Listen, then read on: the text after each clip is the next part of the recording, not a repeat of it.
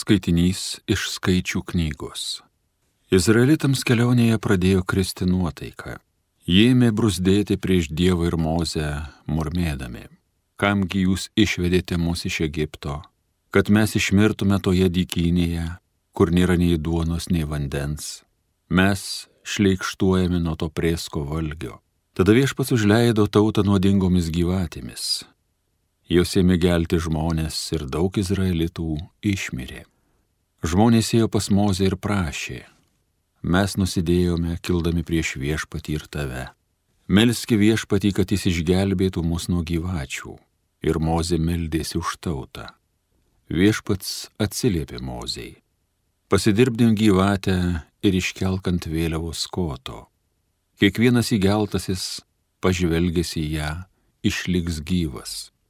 Taigi Mozė padirbdino išvario gyvatę ir iškėlė ant vėliavos koto. Dabar kas gyvatės įgeltas, pažvelgdavo į varinę gyvatę, išlikdavo gyvas. Tai Dievo žodis.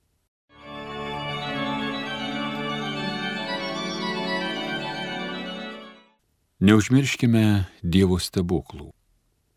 Klausyk mano tautą, ko tave mokinsiu kai jums burna mano byloti dėmėkis. Mano lūpos aiškins pavaizdais, paslapti senųjų amžių atskleisiu. Neužmirškime Dievo stebuklų. Galabijami imdavo Dievo ieškoti, grįždavo glaustis prie jojo, atsimindavo, kad uola yra jiems Dievas ir vaduotojas Dievas aukščiausiasis. Neužmirškime Dievo stebuklų. Jie gerindavosi jam savo burną, meluodavo savo liežuviais, netiesios jam jų būdavo širdys, jo sandorai nebūdavo klusnus. Neužmirškime Dievo stebuklų. Tačiau Dievas pasigailėdavo, dovanodavo kaltę, nenorėdavo jūsų naikinti, kas kart sulaikydavo savo rūstybę, nebaigdavo viso apmaudo lieti neužmirškime Dievo stebuklų.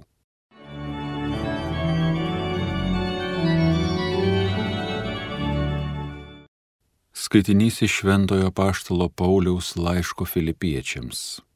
Kristus Jėzus, turėdamas Dievo prigimtį, godžiai nesilaikė savo lygybę su Dievu, bet apiplėšė pat save, priimdamas tarno išvaizdą ir tapdamas panašus į žmonės Jis ir išorė tapo kaip visi žmonės.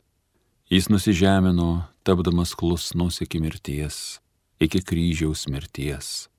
Todėl ir Dievas jį išaukštino ir padovanojo jam vardą kilniausią iš visų vardų, kad Jėzaus vardui priklauptų kiekvienas kelias danguje, žemėje ir po žeme, ir kiekvienos lūpos Dievo tėvo šloviai išpažintų Jėzus Kristus yra viešpats. Tai Dievo žodis.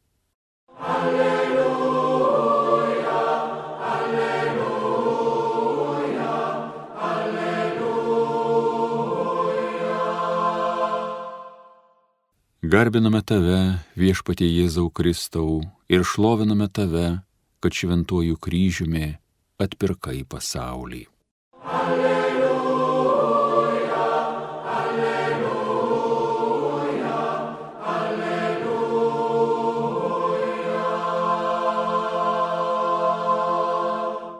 Iš Evangelijos pagal Joną. Niekas nėra pakilęs į dangų, kaip tik žmogaus sūnus, kuris nužengė iš dangaus.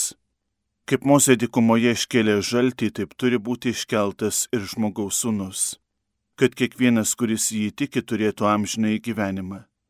Dievas taip pamilo pasaulį, jog atidavė savo viengimį sūnų, kad kiekvienas, kuris jį tiki, nepražūtų, bet turėtų amžinai gyvenimą. Dievasgi nesiuntė savo sunaus į pasaulį, kad jis pasaulį pasmerktų, bet kad pasaulis per jį būtų išgelbėtas.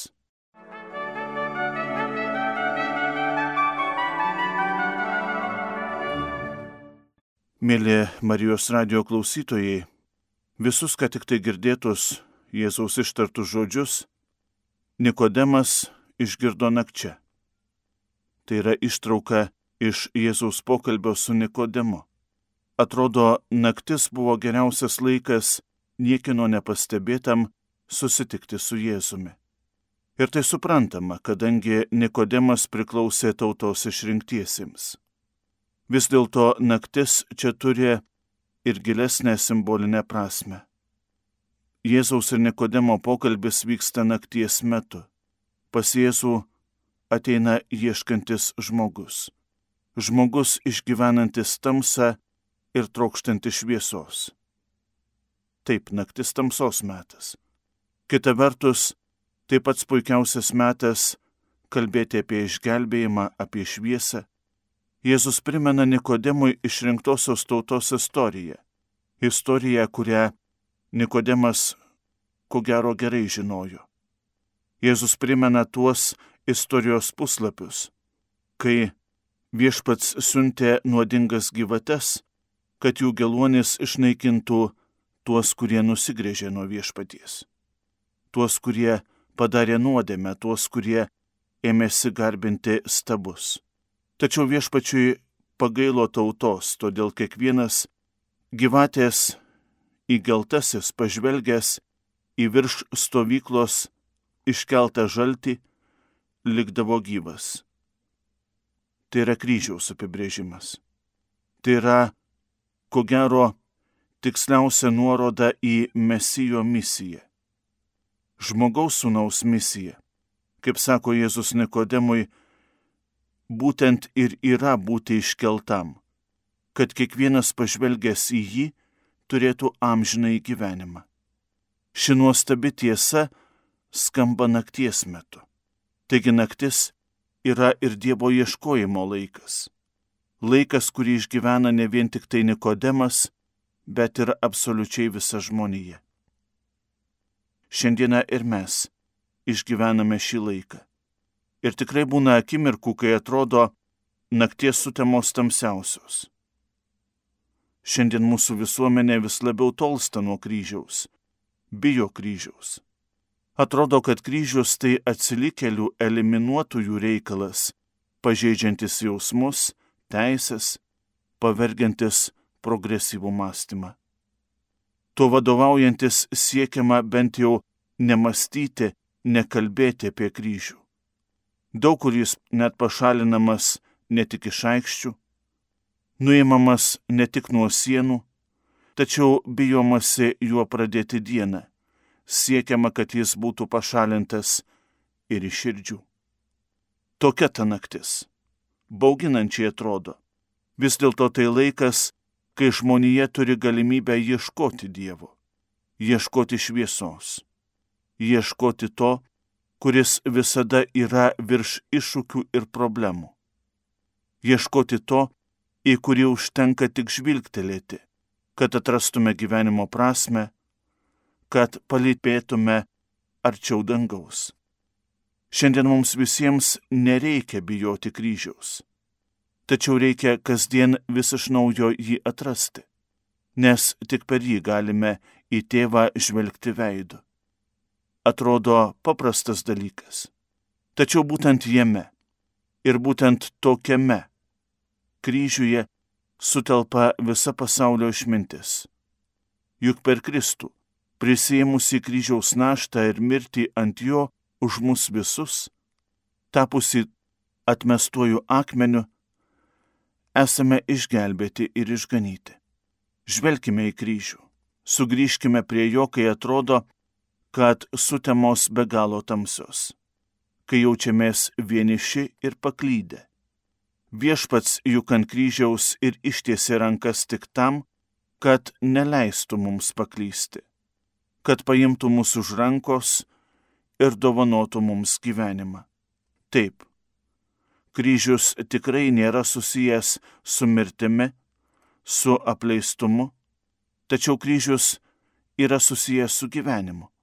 Nes čia, kai prie jo prisilietė viešpaties rankos, gimė gyvenimas. Tavo ir mano, mielas broli, mielas sesė gyvenimas. Tad melskime, kad sugrįžtume visi - mūsų žmonėje, mūsų valstybės, mūsų šeimos prie kryžiaus, kad 21 amžiuje kryžius neliktų be galios. Amen.